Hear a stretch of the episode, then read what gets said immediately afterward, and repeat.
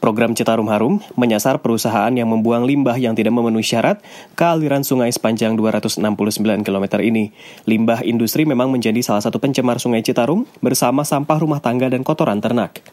Komandan Satgas Citarum Ridwan Kamil mengajukan dua cara untuk meningkatkan penegakan hukum di daerah aliran sungai Das Citarum. Hal ini meliputi penerapan sanksi sosial dan pelibatan non-aparatur sipil.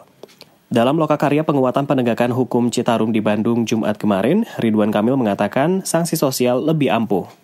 Tapi kalau diancam pasal-pasal malah suka nantang dan suka uh, tidak taat gitu. Jadi ini khas Indonesia lah kita cari.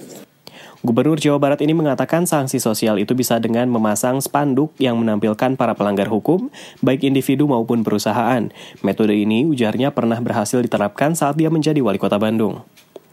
Sejak Citarum Harum digelar pada 2018, polisi telah mengungkap 58 kasus pelanggaran.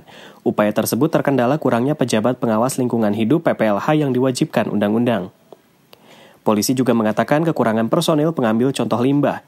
Oleh karena itu, Ridwan Kamil tengah mempertimbangkan perekrutan kalangan profesional atau dari non-aparatur sipil negara ASN. Karena kalau minta ASN, biasanya selalu ASN itu terbatas.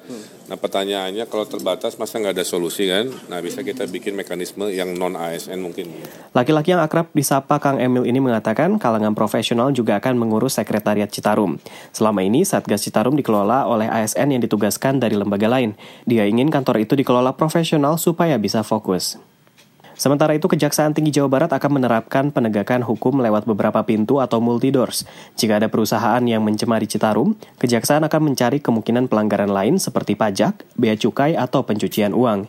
Kepala Kejati Jabar, Rajana Frizal mengatakan semua pelanggaran akan dituntut di pengadilan. Kalau bisa bersamaan, bersamaan. Kalau memang tak bisa bersamaan selesainya, habis sidang gondot, sidang pajaknya lagi. Orangnya sama gitu dia kapok dia. Dia mengatakan akan mengundang para ahli berbagai bidang untuk menelusuri pelanggaran lain dari perusahaan nakal tersebut. Kejaksaan akan melakukan semua cara dalam upaya membuat perusahaan itu bangkrut. Ya, konsepnya kan begitu itu. Kalau kita kayak kita ke korupsi lah, korupsi kan harus dibangkrutkan. Kalau bangkrut besok muncul lagi dia. Narkoba segala macam, jaringannya harus dikejar. Uangnya kalau uangnya tak dikejar besok muncul sana muncul sini. Dari 58 kasus yang terungkap selama 2018, 19 berkas sudah masuk ke kejaksaan. Setidaknya satu kasus kini tengah disidangkan. Dari Bandung, Jawa Barat, Rio Tuasikal melaporkan untuk VOA Washington.